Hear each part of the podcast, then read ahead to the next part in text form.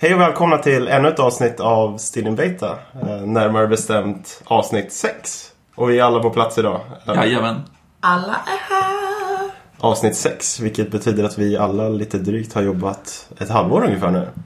Ja, jag... Ja, förra avsnittet när vi spelade in där så hade jag jobbat exakt ett halvår.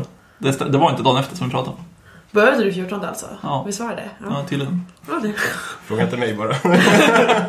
Vi har ju lärt oss det här med day och datum att det inte funkar så bra. Återkommande tema. Ja. På tal om förra avsnittet. Vi fick en fråga från en av våra lyssnare. Eh, Vi pratade lite grann om AVS och lite så här alkoholkultur och fester och sånt där.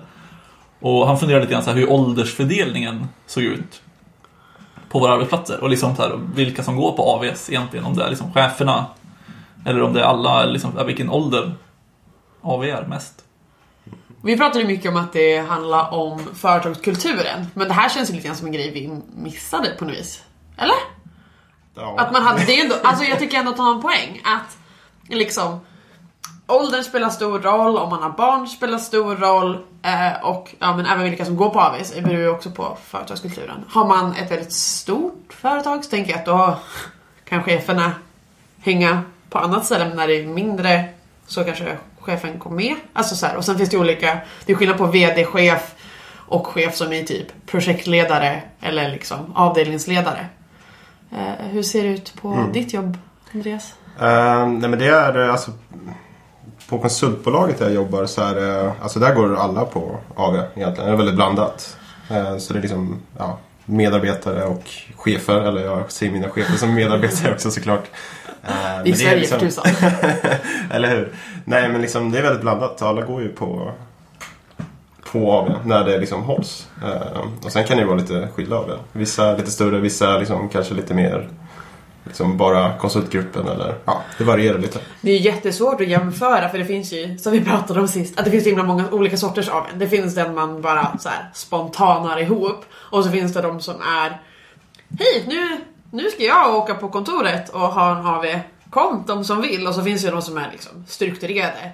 Om en månad på fredag då har vi köpt det här och kommer grilla och då är det AV, alla kom.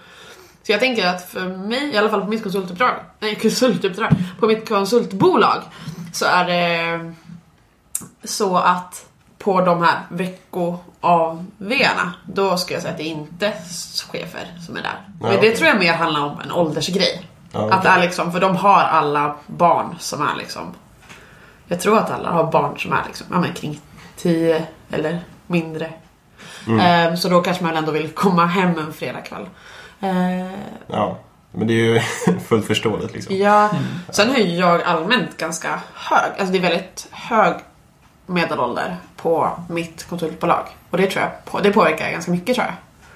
Eh, De som går på AV är ju de som är generellt unga och singlar. Singlar till och med. ja men det är, ju- det är ju typ så. När folk, folk i relationer tänker jag gå mycket mindre på AV. Framförallt typ så här spontan AV. Det Ja. tror nog jag också faktiskt. För Distansförhållande tycker jag inte är samma sak. Nej, men hos oss så tror jag att det är lite som du sa Amanda, alltså att på de här spontana AVS som kanske inte är lika uppstyrda, som inte är liksom kanske officiella från företagets sida, där kommer kanske mer, eller fler unga personer. Eh, Eller liksom den yngre halvan av företaget i alla fall. Men sen tänker jag, alltså så här, om man tänker efter så är det liksom folk som är ändå 35-40 som är med ofta på dem också. Så att det är inte något som att det är bara de som är liksom max 25 som får gå. Nej, absolut Utan inte. Jag det är ändå så. uppåt en ganska lång bit i åldern. Nu säger jag inte att folk på Det är så 35-40 svårt är gamla. det är känsligt.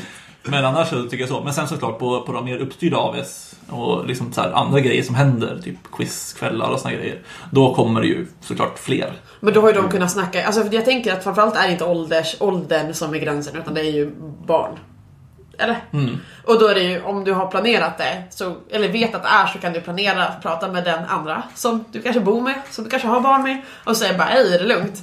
Eh, du har kanske inte heller planerat in någonting annat. Eh, eller så kan du skaffa barnvakt eller någonting men det är ju kanske svårt om man Ja, Om så det är fredag och man har planerat att man ska göra någonting särskilt och sen Jaha, det blev nu.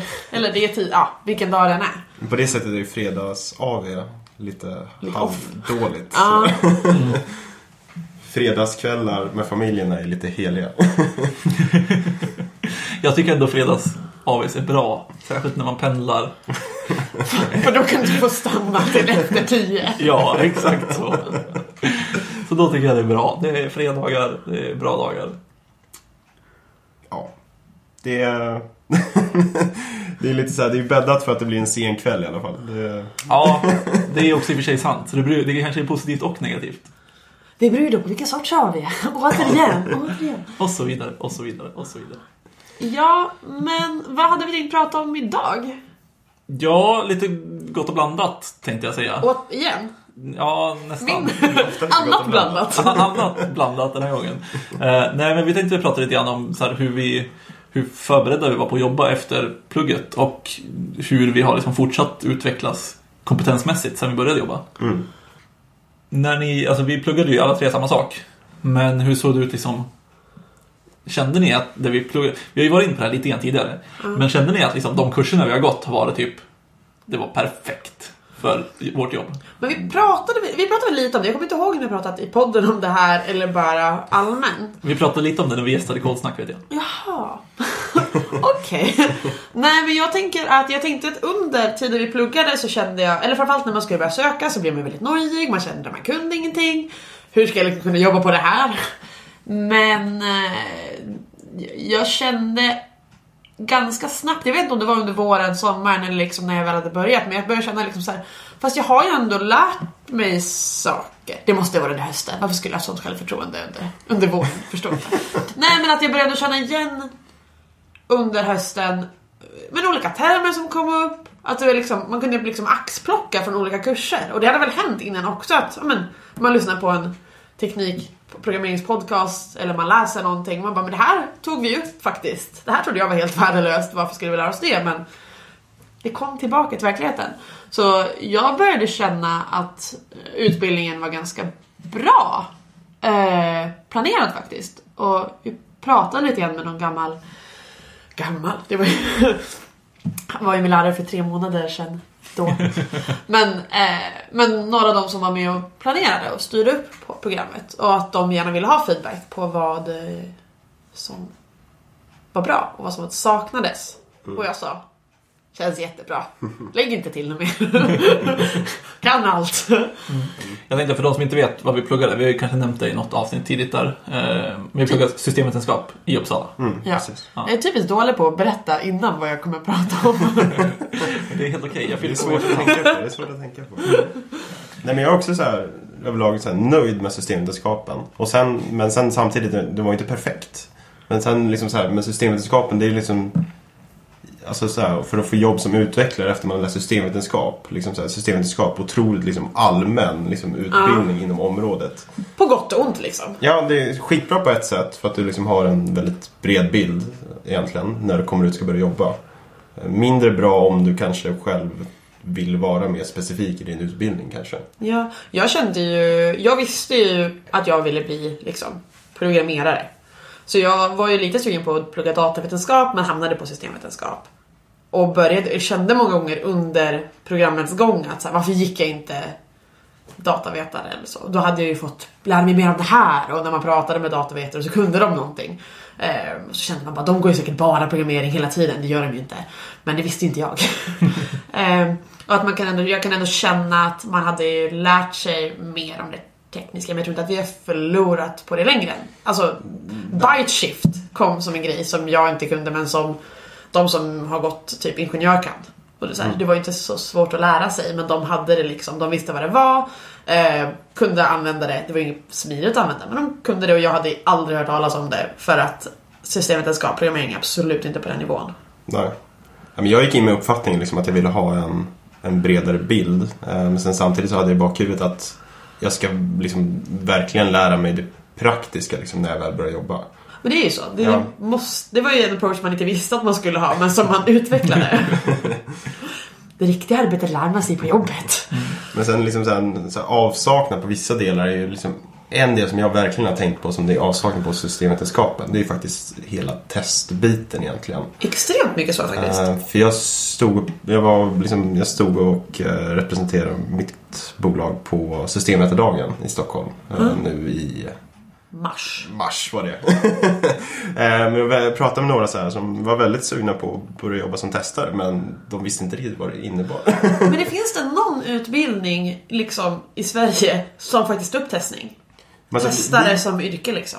Ja, inte på någon så här, eller ja, nu ska inte jag Du kan det. alla ja, ja, precis. Jag har faktiskt ingen aning. Men om jag liksom bollar tillbaka till systemvetenskapen i alla fall så den uppfattning jag har är att det inte är alls så utbrett liksom, på de utbildningarna i alla fall.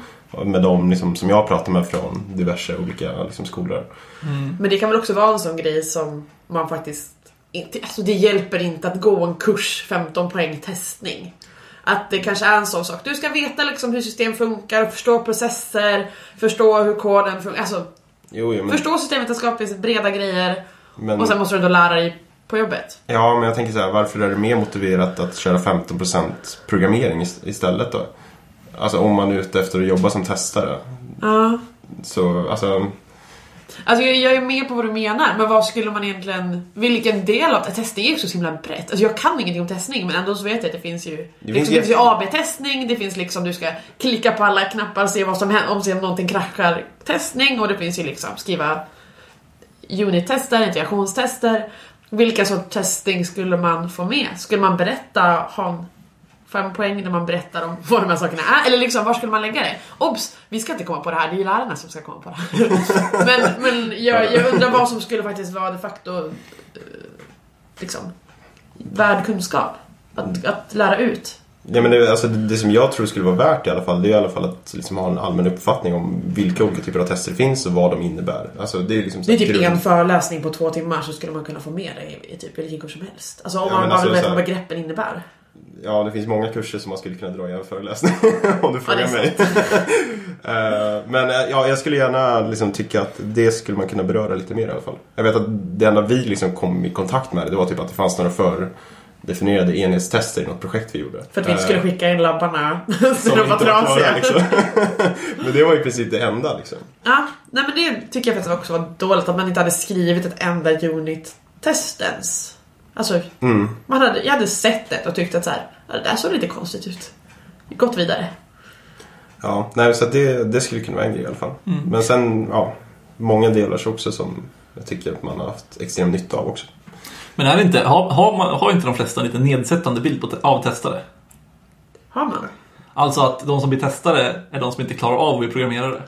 Det där är- Nej, jag, säger, jag säger inte att jag har den här bilden. Okej, det Nej. kanske fin- det finns garanterat de som har det, men då finns det ju de som har det om typ såhär, de som jobbar med det här är ju bara de som inte kan, de, de som can't do teach och de som inte kan, de blir projektledare. Alltså, Ja, ja. man kan Det- ju säga som det- alla. Ja, ja, det är jag med på. jag tycker det är ett jag- allmänt hat mot testare. Ja, jag tycker Eller det- förakt. Ja, alltså kanske inte liksom inom branschen på något sätt. Utan mer kanske på de som så här tittar in för. Men typ studenter. Att så här, man vill ju inte riktigt Jag ville bli testare. testare. Ja, du är lite udda du också. Fast, fast det var innan jag visste vad testare var. Jag, Ja, Men det var, det var för att det lät, för att en kompis jag hade som pluggade systemvetenskap, hon ville bli testare eller, för det var liksom när hon skulle, jag fick lära mig vad systemvetenskap var när hon skulle gå ut sin kandidat. Och då kände jag, testa låter ju jättekul, bara leta fel. Sen så var det, tänkte jag nu att så är jag inte alls testare. Och jag känner att jag skulle inte alls vilja vara testare, men jag känner också att jag skulle inte alls vilja vara kravare. Så att det, jag har svårt att skilja på min ovilja att vara det ena mot min ovilja att vara det andra. Vad, vad tänker du att folk ser ner på på testare? Att vem som Jag helst ska vet göra det? Eller vadå? ja. Alltså, jag vet ju nu att det inte är så. Eh, Men alltså någon gång i tiden, alltså, när man var ung. eh, Hur ung? säg, 24? Nej, men säger fem år sedan kanske, eller något. Okej. Då, 20 då, för de som inte vet. Eh, nej, men då, då, då visste man inte liksom så mycket om branschen. Och då Vad visste man, du om branschen? Fast du, jobb, du hade gått IT ja. Data, vet du. Gick teknik. Men Teknik heter det. Jag inte programmerade. Nej, men det, det grejen var väl då att man tänkte inte på att testare var så många olika grejer som ni precis var inne på. Det är väldigt man, man tänkte på att testare var den här personen som satt och klickade runt i ett Ja. system, hjärndött och bara oj, nu gick något sönder. Och så gick, skickade man Det vidare. förstår jag verkligen inte hur någon skulle vilja jobba med. Men det måste ju vara att man har kul andra delar av jobbet. Att just klicka runt. Hur, hur går klicka runtandet till? Har man en plan? Det tror jag. Jag tror att det är ganska så utarbetat innan. Eller så här. Mm. Och kanske, jag ångrar mig, jag kanske vill Eller ha en kurs i testning för att förstå ju- vad de håller på med. Du kör väl dina testfall, tänker jag. Men sen tror jag Vilka också testfall? mycket så här, Det roliga är att... Ja, fortsätt. Förlåt. Ja men alltså jag tror att det är så här, ja, även om du så här, sitter och klickar runt och testar så måste du liksom så här, dokumentera saker och ting också. Eh, och det kanske inte är det roligaste av det. Men jag ska inte, jag, Men folk tycker om att skriva uppsatser också. Så att, och folk tycker om statistik. Så det finns himla många saker som är konstigt att tycka om. Ja, en annan grej som jag tänkte på när vi var inne på det här som vi lite saknar från utbildningen. Jag tyckte att vi hade lite för lite metodik. Alltså typ Scrum eller någon annan härlig Det agil. kommer på mastern. Ja, jag vet att den gör Men det. är Scrum så s- svårt att lära? Eller liksom... Man har Nej, i och för sig kunnat klämma in det på ett projekt. Men hur, hur ska man liksom vidhålla att studenter kör Scrum när typ ingen i... i ja, 1% av alla som kör Scrum faktiskt kör Scrum. Ja, nej, det är väl ofta Scrum-ish. Ja, Men, Man har en sprint och sen så pratar man om den. men det pratades ju i princip inte om metodik eller så här arbetsmetodik överhuvudtaget. Vi pratade lite agila just i vår första kurs när vi pratade systemutveckling och någonting. Har du Första, glömt första kursen glömmer man ju allt från. Ja, men jag kommer ihåg Gant. Gjorde vi. Eller vi tar ett Gantt-schema. där. Gantt-schema. Då skriver du ut vilk, hur lång tid varje task eller liksom delsak, del, deluppgift ska ta och så visar du vilka som är beroende av varandra och så beroende på hur du placerar de här så får du typ den minsta tiden det kan ta att slutföra projektet. Det är Gant med G-A-N-T-T. Jag är imponerad att du kommer ihåg det. jag kommer ihåg det för att jag, jag kunde det ju inte tror jag när jag gick kursen själv kanske. Så att det, jag lärde ju ut den här kursen. Eller jag hade labbar i det här två, två år senare. Eller två, ja de två efterföljande. Det kan Ja. vara det. Kan vara det. Kan vara... Om det är någon som vet att Amanda har fel ja! så får ni jättegärna säga till så att jag kan ha rätt. Ja, ja, jag är ändå med på det. Lätt. Ja, ja nej, men sen alltså, när vi började jobba sen då. Kände ni liksom att det här var precis vad jag förväntade mig av vart jag skulle kunna och vad som hände med livet tänkte jag säga. Nej. Nej men jag, jag ville att bilden, eller liksom att programmeraren skulle vara, ja men jag sitter med min kod. Eh, det var liksom vad jag hade tänkt mig. Eh, innan jag började på Sämskapsinformet att programmering är ett socialt jobb. Eh, och då kände jag så här, hur, hur funkar det? Jag hade liksom, kunde liksom inte se hur man skulle bara prata så himla mycket. Så då förändrades min bild på hur det skulle vara. Eh, sen har det väl gått lite såhär, upp och ner liksom. Eh, wobblat lite. Men jag tycker inte jag hade ju inte förväntat mig det här, men vilket jobb är som man har förväntat sig det egentligen? Alltså om du ska ta ett jobb på ICA så kommer det fortfarande vara annorlunda än vad du har tänkt dig. Eh, men jag kommer typ inte ihåg riktigt vad jag hade för förväntningar. nej, jag sitter och tänker lite samma sak faktiskt. Man, jag har glömt allt, jag har vant mig vid allt. Det finns bara ett sätt att göra det på. Det har gått sex månader. Det är inte så att ja, om tio år hade jag förstått den här, det här svaret. Men, ja. Nej, men då kommer du ihåg? Ja, men jag har ändå ganska bra bild av vad jag förväntar mig. Alltså, Okej. för jag tycker att jag fick en väldigt bra bild av det jag skulle... Eller inte så här exakt vad jag skulle göra, för det är så svårt på ett konsultbolag att veta vilket projekt man hamnar i. Sådär. Men jag hade ändå liksom en ganska bra bild och jag hade liksom kommunicerat också vad jag ville göra ganska vettigt. Så jag liksom förväntade mig att få göra det jag ville. Ja men Nej. visste du hur det du ville göra faktiskt utförs? Ja, men alltså... För det är det jag känner att jag inte visste. Ja, men att, att liksom programmera, för det är det jag gör främst. Eh, och att snacka med andra om programmering tycker jag liksom är en del av jobbet. Och har alltid liksom känt att jag vill prata programmering med folk och sådär. Och det, så har jag ändå känt sen liksom jag började plugga programmering. Typ. Eh, och att liksom ha det som en del och att man måste diskutera lösningar och sånt där. Det är typ bland det roligaste med jobbet tycker jag. Inte just den här sitta och knacka kodbiten själv. Sitter typ på en skärm i två timmar och Nej, sen tittar upp utan- och tar en klunk vatten. Ja, precis. Utan det är mer den här delen där man diskuterar fram olika lösningar och bollar idéer med varandra och försöker liksom hitta lösningar på problem. Eh, Det är typ det bästa, tycker jag. Och det var ändå liksom det jag förväntade mig. Och på ett, liksom, det är ett ganska abstrakt nivå det här. Men det går inte att förvänta sig så mycket konkret, tänker jag. Det är ju ändå på ett, på ett, på ett monotont sätt är det ju ändå ganska varierande i och med att det är olika uppgifter som ska lösas. Olika problem. Så det är ju ändå varierande så, men man gör ju också mycket samma. Alltså att, att koda, prata, koda, prata. Eller? Ja, det blir ju så. Alltså, det är ju, men, ja. Ja, men det blir ju faktiskt så. eh, så länge du ska jobba som utvecklare, egentligen, tänker jag. Ja, men nej, men sen, alltså, sen, min roll har ju förändrats lite grann. Kanske sen jag kom ut med ett projekt från början. För då var det väldigt mycket bara skriva kod. Nu går jag ju mycket mer på möten och hanterar liksom kunden på ett annat sätt än vad jag gjorde i början. Eh, och det tycker jag ändå har gått väldigt snabbt komma dit jämfört med vad jag trodde det skulle göra. Så Mm. där hade jag inte riktigt samma, den, den förväntan är ju väldigt annorlunda mot vad det är i verkligheten. För där var jag trodde ju att jag skulle liksom sitta och vara en kodapa i ett år innan man fick liksom ta något större ansvar. Ja, men lite så. Ja. Men, så det är jag väldigt glad att jag hade fel om. Eh, För det tycker jag är väldigt roligt också. Det där beror väl också på både vad det är för, ja men, hur man, vad man har för relation till kunder och hur kunden är. Absolut. För jag är ju också, alltså, att prata med Det var ju tvungen att göra hela tiden. Liksom, att jag blev liksom såhär, men varför svarar de inte? Hallå, ge mig information här. Eh, och det, det tycker jag faktiskt är en av de ro- det, är det svåraste och roligaste. Att prata med kunden om vad de vill ha, försöka förstå och liksom. Vi har ju språk, jag jobbar mot, liksom, prata engelska med mina kunder som inte är engelsktalande, ah, har inte har engelska som första språk. Så då måste man liksom se förbi de språk, eventuella språkbrister och vara tydlig och ja, det tycker jag är på något sätt det blir, ja men det blir liksom, koden är utvecklande på ett sätt och kundkontakten är utvecklande på ett annat sätt. Det låter lite grann som att du jobbar med krav. Som du inte tycker Jag, jobb, jag, jobbar med brist, jag jobbar med bristen av krav. Eller bristen på tydliga specifikationer. Men jag tänker det så här, om man har, alltså när det kommer in kundkontakt, alltså det blir ju, det blir ju egentligen krav liksom man, Ja, man, alltså man kommunicerar om. Men jag håller med, alltså det är verkligen otroligt liksom svårt med kommunikation. Eller så här, Ja. Det är så här, Man tycker att, jag menar ju en sak. Borde inte du bara förstå det? ja men typ. Eh, jag hade en uppfattning om att det skulle gå ganska enkelt med den biten. Men det tycker jag faktiskt är jävligt svårt. Man måste Alltså, sätta sig in i eh, vad de andra kan tänka sig. ja men typ alltså, alltså kommunicera bara på rätt nivå liksom. Och kommunicera är ju jättesvårt. Alltså i, i, i livet för alla. Vi, tänker, vi utgår ju från oss själva och så är alla andra på annorlunda sätt. Om vi ska gå på, ett, på kommunikation på ett ganska basalt plan. Ni Ja. håller med, eller? ja vi, vi håller väl med. Jag tittar på dig Andreas. Men, Ni nickade, men det hörs inte när ni nickar. nej, vi, jag insåg också det. Vi får börja videopodden. Ja. vi kanske ska göra det. Kör en livekamera från Maries ansikte. Stelt. Lite.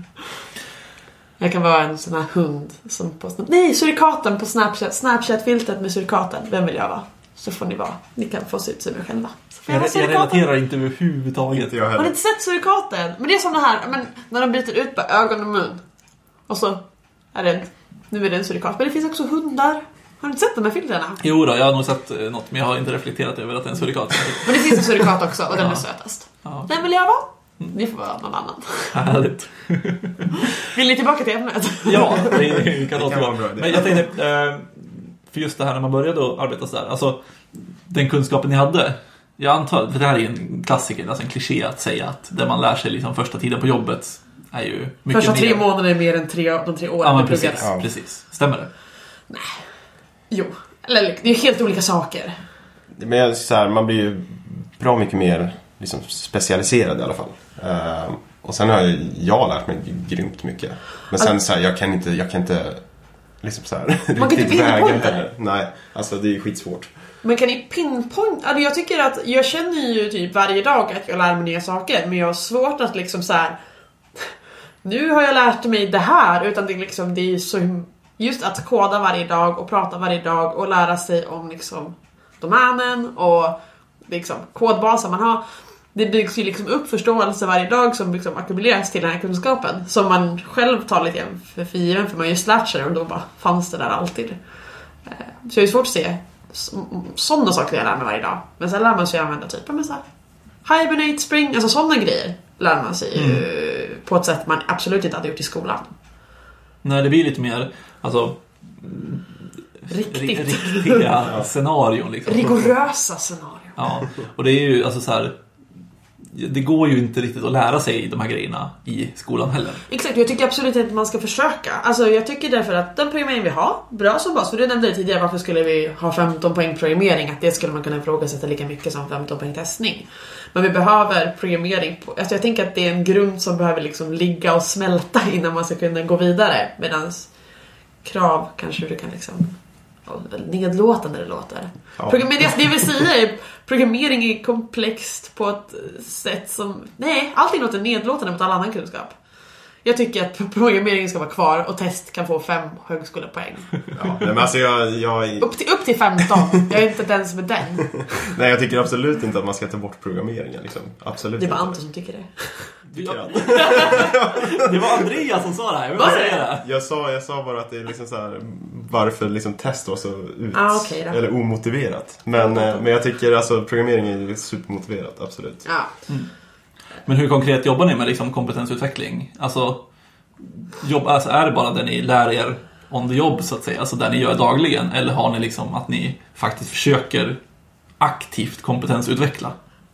Jag har inom mitt, eller alla på mitt Vi kan, vi, kan, vi kan kanske börja med, alltså vi har ju gått 29 program, eller alla går ju, förutom Andreas som gick Som är klar, han var supersnabb. Ja. Vi kan väl börja med utgångspunkter där kanske? Ja, alltså jag har ju alla på, på mitt bolag har ett, en utvecklingsplan. Och min utvecklingsplan är liksom lite längre än de andras för att den är liksom över hela min traineeperiod som är två år. Och där står det ju vilka kurser jag ska gå. Um, det har typ Git, så här, Maven, HTTP, protokoll, MongoDB. Alltså det är ganska lite så här spritt, lite gott och blandat. Eh, sen står det även liksom lite mer konkret att jag ska göra en uppgift i, med test-driven development, Spring, eh, dependency injection och sådana där grejer. Eh, och att jag ska ta, jag ska helst läsa några böcker och ett Java-certifikat. Så det är liksom, det är ganska, det är bredd. Men det är en del av liksom ditt traineeprogram då? Ja, Ja. Ehm, de grejerna. Så en gång i månaden har jag, eller ja, har jag en, har vi gruppträffar där vi går igenom typ SQL hade vi sist. Innan det hade vi någonting annat. Men vi, alltså det är en kväll, liksom, man tar några timmar där man träffas och har en lärare som eh, går igenom uppgifterna och så får man det, det är fanns att man kan ingenting till att det finns liksom gå upp till de avancerade uppgifterna så att det ska passa oavsett lite grann var man kommer ifrån.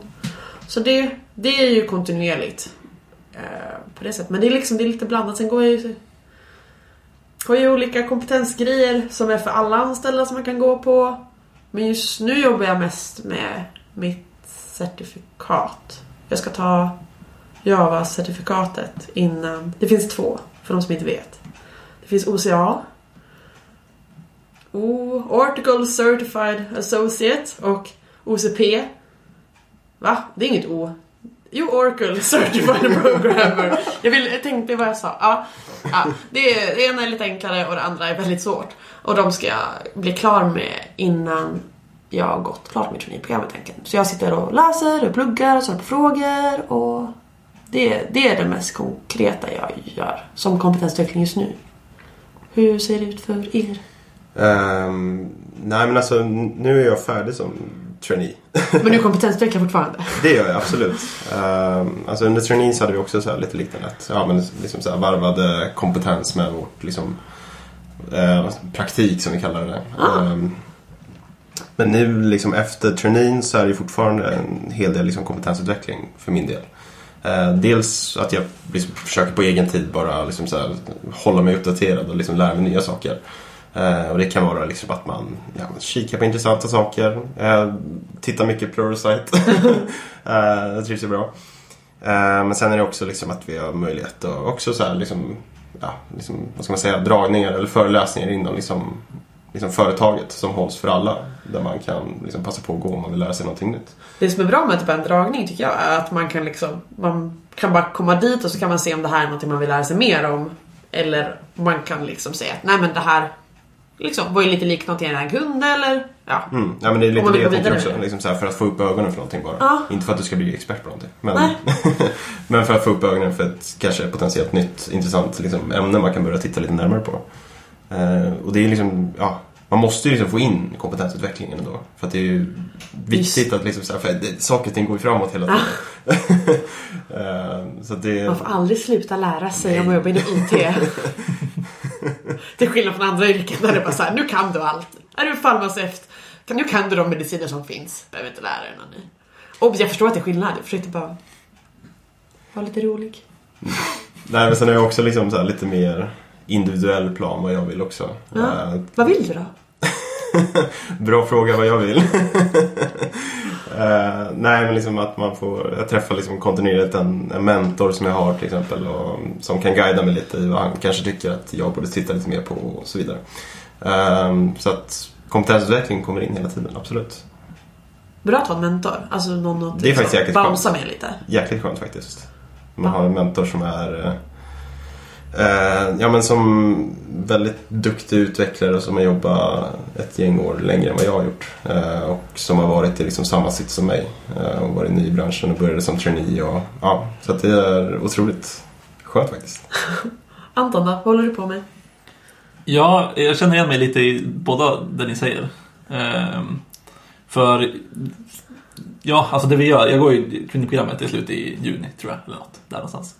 Ehm, och under den tiden så har vi gjort väldigt mycket kompetensutveckling på en ganska generell nivå i och med att den liksom matchas mot så att vi ska få liksom mer en inblick i företaget och lite så här kompetens om lite allt möjligt för att veta vad hela företaget håller på med. Men ditt traineeprogram är väl, ni är väldigt många olika inriktningar Ja. i samma. Det finns folk som jobbar med BI, det finns folk som jobbar med change management, det finns folk som jobbar med programmering, det finns folk som jobbar med projektledning och scrum och sånt där. Eh, Så det är ganska blandat. Det är ju bra. Det är för bra. att få insikt i hela processen. Precis. Så att vi har haft sessioner om det mesta liksom. Alltså allt från change till eh, continuous delivery och sådana där grejer. Ehm, och sen har vi även haft liksom, små case där vi har fått utbildat oss själva på något sätt inom varje område. Nice. Eh, Så det var väldigt kul. Eh, Och nu håller vi på med ett lite större projekt där vi gör ett internt projekt egentligen. Där vi, ja, jag får utveckla, jag är nöjd. Eh, Och ja, det, det är kul. Eh, Men ni är liksom ett, e- ni gör, ni är ett, he, ett eget team som ska leverera en produkt. Ja, Som, om, som om det vore på riktigt. ja, och det är nästan på riktigt. Alltså det är ett internt projekt som ska köras internt och som måste bli klart och vi har en deadline och allting sånt. Kul. Eh, Så det är väldigt roligt. Press. Lite. Eh, Men ni är ju duktiga så det kommer bli bra. Ja, eller Och ni har ju mentorer som kan hjälpa Eh, er. Exakt, exakt så man ska tänka.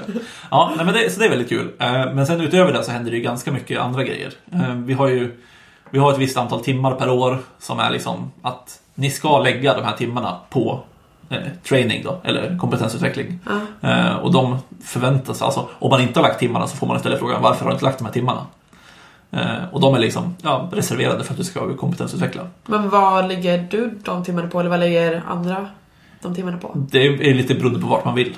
Eh, Alltså man kan ju lägga dem på att plugga ett certifikat. Eh, Det finns vissa så obligatoriska training-sessioner man måste göra varje år. Så man kan lägga dem där på. Och sen kan man ja, göra lite vad man vill. Vi har också en mentor kan man väl säga. Hos oss kallas det för karriärsrådgivare, typ. Fast på engelska.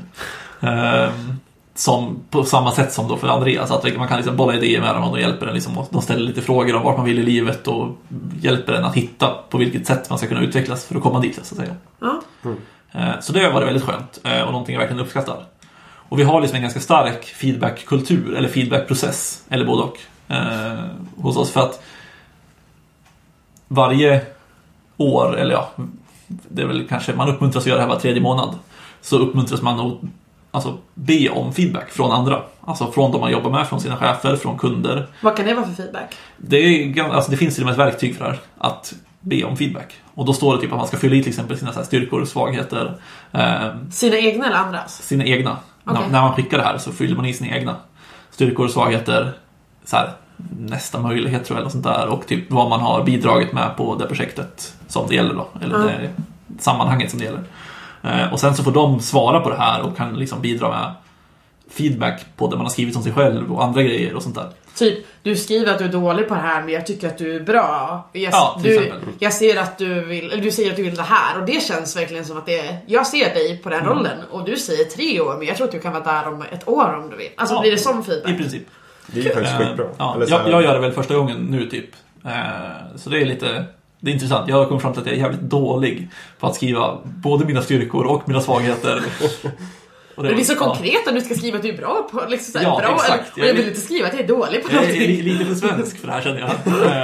Jag är okej. Ja, men, men annars så, jag, jag uppskattar det verkligen. För att nu när jag börjar få tillbaka svar på de här grejerna så känns det ändå väldigt skönt. Alltså, för det är inte riktigt, det är ju aldrig att man får dålig feedback. Utan kommer det säga men du är så värdelös, varför säger du att du är bra på att jobba i grupp? Är svaret Ja, anonyma?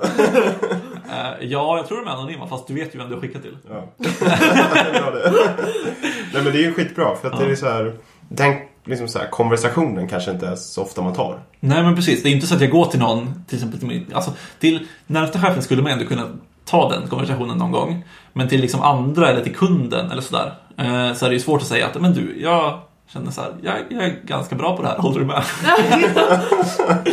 det, det, det, det är lite stel fråga att ställa kanske. Ja, men alltså sen många av de kunder vi arbetar med vet ju om den här processen också i och med att vi har jobbat med våra kunder väldigt länge. Så de är ju medvetna om att vi kommer skicka sånt här till dem och är väldigt gärna med på det för de tycker att det är en väldigt bra grej också. Eh, Så att de är väldigt villiga att ge feedback till oss också, vilket också är väldigt skönt. Jättebra. Mm. Det är jätte, alltså jag tycker så mycket om att få feedback. Alltså jag kommer Mm. ihåg omdömena och sånt där i, eh, i högstadiet var jätteroligt. Alltså man bara, jag är bra på det här. Och bara, jag är dålig på det där, det är okej. Att man, kan liksom, man känner ju ofta sig själv. Det bekräftar ju oftast den, den bilden man har, eller så förbättrar den. Man får oftast inte höra att du är dålig på någonting som man tänker att man är bra på. Pigga om man har en rimlig självbild. Nej, men jag hade eh, utvecklingssamtal i, i februari kanske. Och då fick jag också, då har ju min, min, mitt konsultbolag pratat med, med, med kunden och frågat ja, men typ, hur går det här? Och så är det liksom absolut inte lika uppstyrt, men bara för att veta hur, hur, hur det uppfattas. Ja. Det är jättekul att se hur andra uppfattar den. Så länge som det är en bra bild. Ja, nej, precis. Det ska inte vara någonting som liksom totalt sågar en och får en att gå ner i källaren. Liksom, kanske. Men liksom all form av feedback är ju liksom så här otroligt bra för liksom personliga utvecklingen bara. ja. Det är ju sjukt nyttigt och det ska man ju ta vara på. Alltså, se till att få så mycket feedback som möjligt. Jag tänker på det här, alltså så här, vi, vi lever ju i en bransch där vi på något sätt som arbetstagare har ett ganska bra position.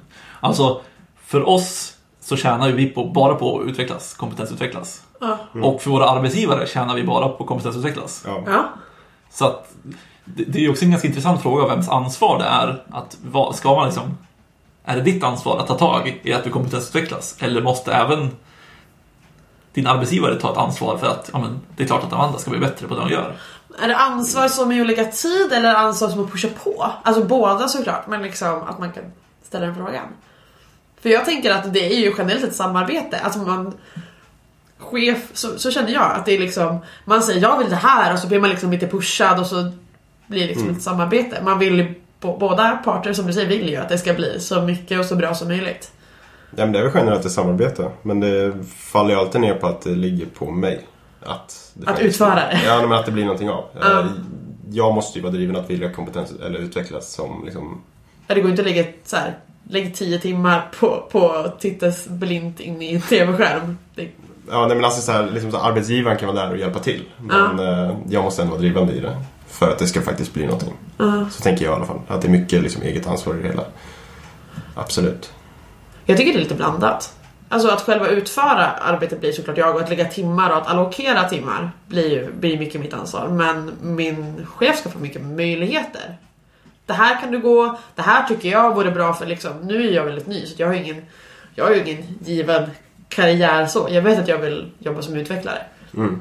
Men typ hur jag ska bli, vilk, vad jag behöver för att få så bra förutsättningar som möjligt. Det vet ju inte jag. Det hjälper min chef väldigt mycket med. Ja, nej, Jag tycker precis. att du borde lära dig mer om det här, typ lära dig mer om Maven så du kan förstå det här. Så att jag får mycket stöd så och typ berätta vilka kurser som finns och vad det finns typ så övningsmaterial för. Och, så där har ju, det, det är ju liksom chefen, ska man säga till chefens ansvar är att liksom erbjuda och visa vad som finns och att det är ens eget ansvar att göra, göra det bästa av det och faktiskt ta tag i det. Mm. Ja, jag tänker att, alltså, att facilitera, att liksom öppna vägen. Är Sopa, chefens. sopa vägen framför dig. Och med curling! Ja, det, det är lite curling. Det är lite curling. ja. Så att, nej, men att, att curla liksom framför dig så att det finns alla möjligheter för dig att kompetensutvecklas. Ja. Eh, medan sen måste man ju såklart ta tag i det själv och kompetensutveckla. Det går Mm. ju ingen... Chefen kommer inte ringa dig bara, men kom och sätt dig på mitt kontor här. Är Så, så, ska, jag- ja, så ska jag läsa en bok för dig om data mining. Men jag tänkte på, när du pratade om certifikat tidigare. Jag kan, passa- Andreas, pluggar du ut något certifikat? Eh, inte just nu, nej. Nej. Tänker du plugga? Hur, det, jag ville komma in på var hur viktigt är det med certifikat hos era företag? Uff, vad fan, det är skitsvårt att svara på. Eh, Ja.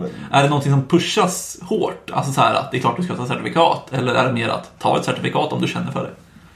Alltså, jag har inte upplevt att det pushas liksom så. Men det är klart att de ser gärna att man tar ett certifikat. Eh, och man har ju möjligheten till det också. Eh, vilket är jättebra, tycker jag.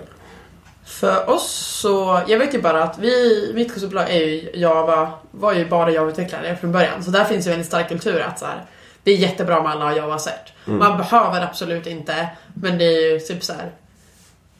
Det, det är jättebra. Det är bra för dig, det är bra för oss. Gör det. Men jag tror att det är att det är en konsultbolagsgrej. Att det blir enklare att sälja in en konsult om man kan visa liksom så här. Har jobbat med Java i åtta år behöver inte betyda någonting men att ändå ha klarat ett prov som och certifikaten är ju generellt svåra. Så det betyder ändå någonting att den här kan. Den här har också liksom tagit sig tiden och engagemanget till att skaffa det här certifikatet. För jag tror inte det är lika vanligt på produktbolag. Nej, det tror inte jag absolut alltså, det är, där finns ju inte behovet. Eller, Nej. det blir annorlunda på liksom, ett konsultbolag. Jag tänker certifikat är ju egentligen bara ett sätt för arbetsgivaren, eller för arbetsgivaren och dig själv kanske att visa att du kan någonting. Ja men typ, för att kunna sälja. Mm. Men mest för arbetsgivaren kanske att kunna säga att ja, men det här, så här. Men jag tänker också att certifikat, för jag håller på och pluggar på ett nu som heter 70480 eller något. Det är Microsoft-certifikat. Heter de så? De, de heter så. Och sen så får man någon titel om man tar två eller tre. Så där. Jaha. Ehm, det som jag pluggar nu är så här, programming in HTML5 with CSS and JavaScript, typ. Kul. Eh, ja men det är kul och det känns ändå som att jag kan det ganska bra så jag tror inte att jag behöver plugga så mycket på det. Säger jag nu så får vi se hur det går sen när jag ska ut det här. Det är ju så med Eh, certifikat. Ja, De ställer så svåra frågor. Ja, det kan vara ganska så här specifika frågor kanske. Ja. Framförallt. Men det som är kul tycker jag med certifikat är ju att du får lära dig typ alla edge cases. För det lär man sig generellt inte i, i andra situationer. Alltså när du kodar så kanske du, ja men jag behöver det här och så skriver du Java eller C-sharp eller JavaScript och så hittar du liksom, ja men det här är typ en approach, så hittar du en annan approach och så hittar du liksom, löser du någonting som funkar för dig. Men man kommer inte läsa liksom, vem läser Javas dokumentation eller så här, så här funkar C-sharp alla klasser. Men det i en prioriterad version blir ju certifikat. Ja, ja, men det håller jag med om. Och, Och det, ja, men, ja, nej men det skulle, det, alltså så här, certifikat, jag tycker att det är ganska kul att plugga certifikat. det är jättekul! Eh, alltså man tänker ju att det kanske är ganska tråkigt och jag förstår att det kan vara tråkigt om man kan allt redan. Eh, alltså att man bara pluggar det för att se att man kan det. Ja det kanske Eh, är. när man ska ta det liksom. Men det är ju som allt. Ja, men jag håller med. Och liksom just att ta certifikat och plugga ett certifikat tycker jag är en väldigt kul grej. För jag ska plugga till det här certifikatet nu, förhoppningsvis tar det ganska snart. Och sen tänker jag gå vidare då till det här fortsättningen som är typ 7486 såklart. eh, och då är det typ så här Building Web Applications with C-sharp eller ASP.NET eller något sånt där. Ja. Eh, och jag är bara tag- mer taggad på att ta de här certifikaten för att det är kul att lära sig grejer. Ja! Sen vet jag inte, alltså så här, det kan ju vara så att så här, det är skittråkigt och att det är skitsvårt. Vi, Men jag känner, det känns inte som att det är så svårt. vi har inte så många, så erfar, mycket erfarenhet av olika certifikat heller. Nej. Du, du har börjat på ett och jag har börjat på ett. Ja, så det kanske...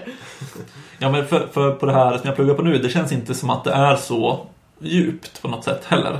Eh, utan det känns ganska grundläggande, vilket jag kan tycka är lite tråkigt, men jag har ändå lärt mig väldigt mycket. Men det är som med de här små Grejer. detaljerna som man liksom absolut inte haft någon anledning att lägga märke till innan. Mm.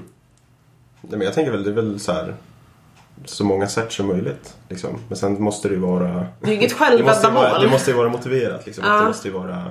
Ja, men så är det ju. Alltså, det är inte så att man kan sitta och ta 10 3000 cert liksom. Men också, på de här certerna jag tar tror jag att man måste ta om dem efter två år. Eh, också. Det stämmer nog. Ja, för det är Microsoft-certifikat Eller- kan jag väl kanske säga också. För det är bara Microsoft-grejer jag jobbar med, så då tar man Mm. certifikat där. Mm. Eh, Men om det ska vara en, är det MVP det kallas? ja, det är ju... Det är ju... eh, Nu måste ni berätta vad det här betyder. Microsoft MVP är väl... Eh, nu, nu, jag undrar om M står för Microsoft, så att det blir Microsoft, Microsoft nu. Men det kan stå, jag antar att det står för Most Valuable Person eller People eller något sånt där. Eh, är min gissning.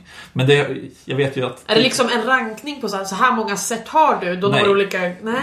du kan bli MVP utan att ta ett enda cert så vitt jag vet. Eh, och det är bara en person som har bidragit väldigt mycket till Microsofts ekosystem eller liksom community. Eh, alltså det kan vara någon som skriver liksom bloggposter, det kan vara någon som går på konferenser och håller liksom dragningar. Det kan vara väldigt, väldigt mycket. Det kan vara någon som bidrar till open source-grejer. Okej. Vi har en MVP på vårt jobb tror jag, kanske två. Eh, något sånt. Eh, och de, de har i och för sig tagit massa cert, men de gör även massa andra grejer. Det handlar om, om ett engagemang. Ja, Ja. Vad, skulle, vad var din fråga om det var? Nej, men det var liksom vilken typ av titel du skulle få. jag tror att det är typ så här Microsoft Certified Solution Architect. Nej, det är ännu högre. Microsoft Certified Software Developer kanske? Något sånt där. Eh, Är det software developer fast det är eller, liksom... eller så är det Associate. Jag kommer inte ihåg. Det är någonting sånt där på slutet i alla fall. Eh, Men är det för det första certifikatet eller när du har tagit alla tre? När jag tar 480 och 486 så får jag en titel. Och sen så kan man ta ett till ur ett liksom urval av massa olika certifikat. Med Och- en inriktning? Och då får man någon annan titel. Okej. Jag tror att man går från Associate till Developer kanske. Det känns rimligt. Och sen ännu högre upp är Architect. Något sånt. Det finns ett system. Det är lite oklart. Jag lägger lite länkar till de här certifikaten i, i anteckningarna. Så, så om folk är nyfikna så kan de kolla på dem. Men eh, vad vet ni vars ni vill? Har ni liksom en plan? Att, I livet. ja men typ i karriären. karriär, typ tre år framåt, sju år framåt, tio, alltså så här, valfri. Har ni någon målbild? Andreas får börja för han ser ut som att han fortfarande funderar. Ja, jättebra. Tack, tack för den passningen. Men du, hade, du tänkte någonting snurrade i ditt huvud? Nej, men jag, jag tänkte lite så här. Min plan initialt var att jag ville utveckla ett gengår. Eh, Mm. Till att börja med. Eh, för det kändes som en bra grej. Nej, men jag tyckte det var, jag tycker det var otroligt kul med utveckling. Och jag är av den uppfattningen av att det är väldigt bra att ha liksom, en utvecklarbakgrund. Oavsett liksom, vad, ja, men vilken väg man ska gå senare. Så att säga. Ehm, Men innan jag började jobba så var jag väldigt inställd på att jobba som utvecklare ett tag och sedan börja röra mig lite mer mot projektledarhållet. Ehm, Men nu sen jag började jobba så har jag ändrat lite uppfattning så nu är jag faktiskt lite osäker. Ehm, Har projektledare inte verkat så roligt eller har utveckling verkat roligare eller är det något annat som lockar? Är inte det en ganska klassisk inställning? Att alla vill bli projektledare? Jag jo, förstår inte det det tror jag faktiskt också. Ehm, Att eh, det är liksom så här, det är ganska vanligt. Och sen måste man- du jobba några år för att lyckas bli det. Och lyckas du bli det direkt när du har gått ut, då är det lite grann en... Ja, men jag tänker så här, Ja, jag tänker så här möjligheten finns ju att bli projektledare liksom, direkt efter utbildningen. Ja. Men jag har liksom alltid tänkt att Ja, jag, jag, vet, jag vet inte om det är så lätt att bli liksom en bra projektledare utan att ha utvecklat ordentligt innan. Men eh, det är ju liksom, ja, det är bara min, vad jag tror hade varit bäst för mig i alla fall. Ehm, men jag var väldigt sugen på projektledare innan, men nu är jag inte... Men du stirrar ut över en tom abyss av osäkerhet. Nej, men jag går väl lite mer mot eh, arkitekturhållet i dagsläget faktiskt. Ehm, men eh, det kan ju hinna ändras igen. Ja. Det är väl bara kul att man hittar nya saker som är intressanta. ja, nej, men precis. Vad tänker ni då? Anton? Ja, jag tänkte nästan samma som Andreas. Eh, jag hade ofta, jag, när jag sökte jobb så var det ofta så här att ja, men de frågade vad man ville bli i framtiden och man bara, ja men teknisk projektledare. så man inte tappar koden, men man får projektleda lite ändå. Eh, nu är projektledning, ser väl, verkar ju fortfarande kul. Jag tycker att sådana grejer är ganska roliga. Men inte så roliga. Eh, utan, Men det beror på hur mycket tid man vill lägga på det. ja, precis. Och vad andra roller runt omkring här. Projektledning kan ju vara så himla mycket olika saker. Ja men så är det ju. Så att jag är också lite grann inne på det här med arkitektur och liknande. Alltså jag tycker till exempel att design patterns och designmönster kanske man ska säga. Eh, och alltså så här upplägg och sådana liksom modeller överlag. Fast på en ganska låg nivå, alltså kodnära nivå. Är väldigt roligt. Eh, och det tycker jag liksom det vill jag jobba med på något sätt. Och då vet jag ju att jag måste utveckla först för att lära mig allting. Ja, I Eh, alla fall om man ska vara så pass nära liksom, koden. Ja men precis. Så att där känner jag mig ganska liksom, nöjd med vart jag är just nu och vart jag är på väg. För det, det var också en grej att min liksom, karriärsrådgivare eh, så fint frågade mig va, vart är du om fem år? Det var typ det första mötet. Och man bara, Oj! "Jag har ingen aning. Har kanske en dator? Ja, eh, nej men då var det, då fick man ju diskutera lite grann och han bara, ja men då måste, då borde du göra det här och det här och det här till exempel. Ehm, men nu liksom känner jag att ja, men jag är ganska bra på liksom väg. Jag får göra det jag vill och ja, programmera mycket och ändå syssla med lite annat på sidan och lite sånt där. Så det är ju väldigt kul. Men sen vart jag kommer vara då, det är så sjukt svårt att säga. Jag tänker också, vi, vi har gått ett halvår. Vi har Ja. jobbat ett halvår.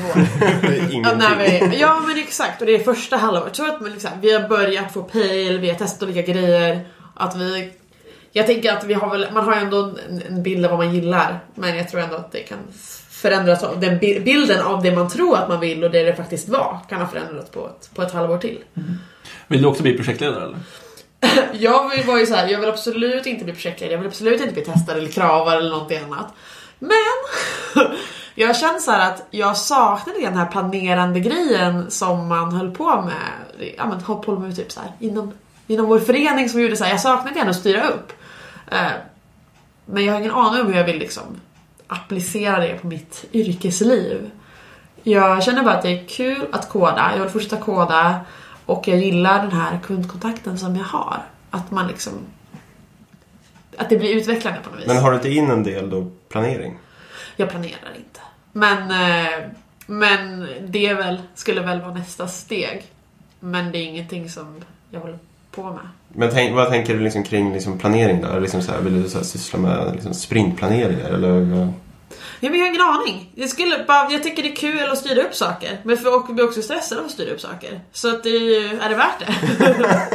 Nej men det, jag har ingen aning om hur den rollen skulle se ut. Vad de gör. Så det är mer att jag liksom typ, det är seriöst de senaste typ två veckorna som det är bara så här. Jag lyssnade på en podd där någon sa så här, att de hade gått från att bara utveckla till att bli projektledare. Och då kände jag så här, men det kanske ändå, hon, fick det att låta, här, låta härligt. Eh, Men eh, jag har typ ingen plan mer än att jag vill bara jag vill vara öppen för vad jag ska göra och att man kanske vill ha någon testa någonting annat i alla fall än att utveckla på den nivån jag gör nu. Men jag vet inte hur och det kanske, blir, det kanske räcker med att byta liksom domän eller byta nivå på språk, liksom för att det ska bli intressant. Eller så är det här guldläge. Jag vet inte. Jag trivs bra där jag är nu i alla fall. Och jag har ingen så himla stor plan. Kanske borde ha det.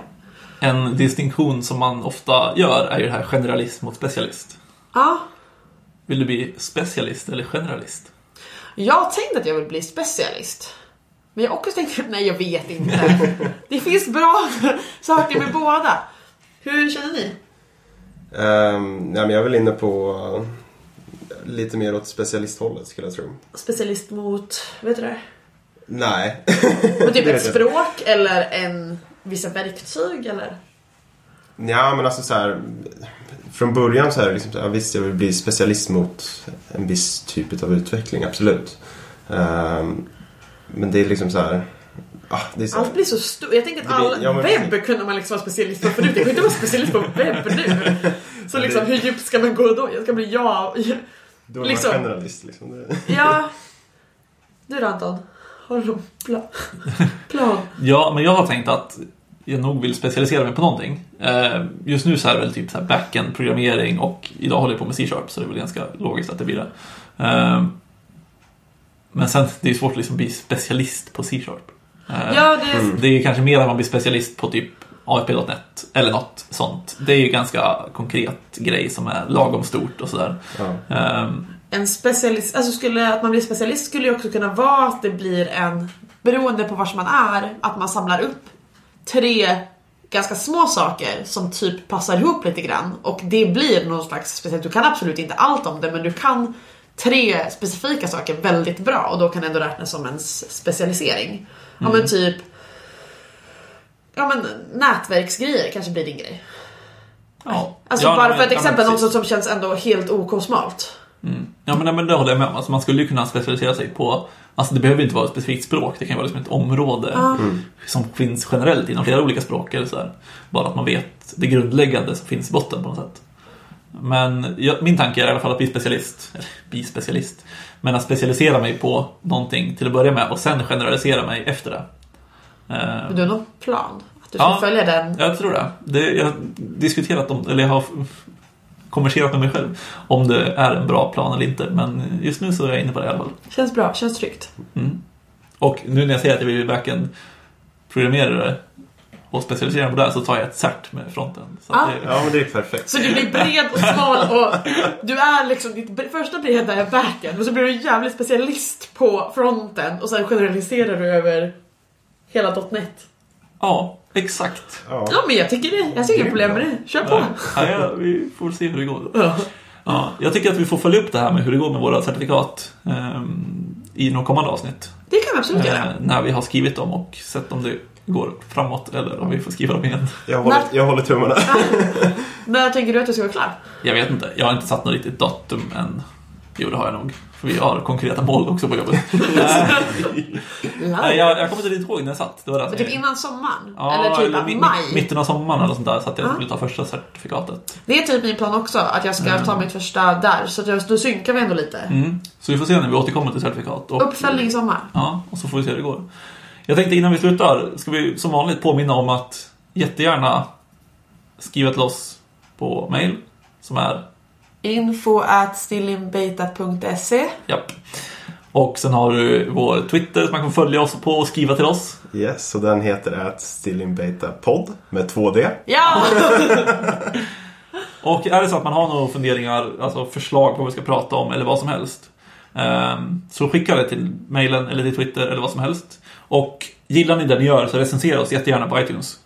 Då blir vi glada hästar. Yes. Det betyder väldigt mycket och det hjälper andra att upptäcka podden också. Och det vill vi ju. Mm. Och nu har vi pratat jättemycket om feedback också. Ja, Ja, precis. Vi förtjänar också feedback. Ja, jag har hört att vi gillar feedback.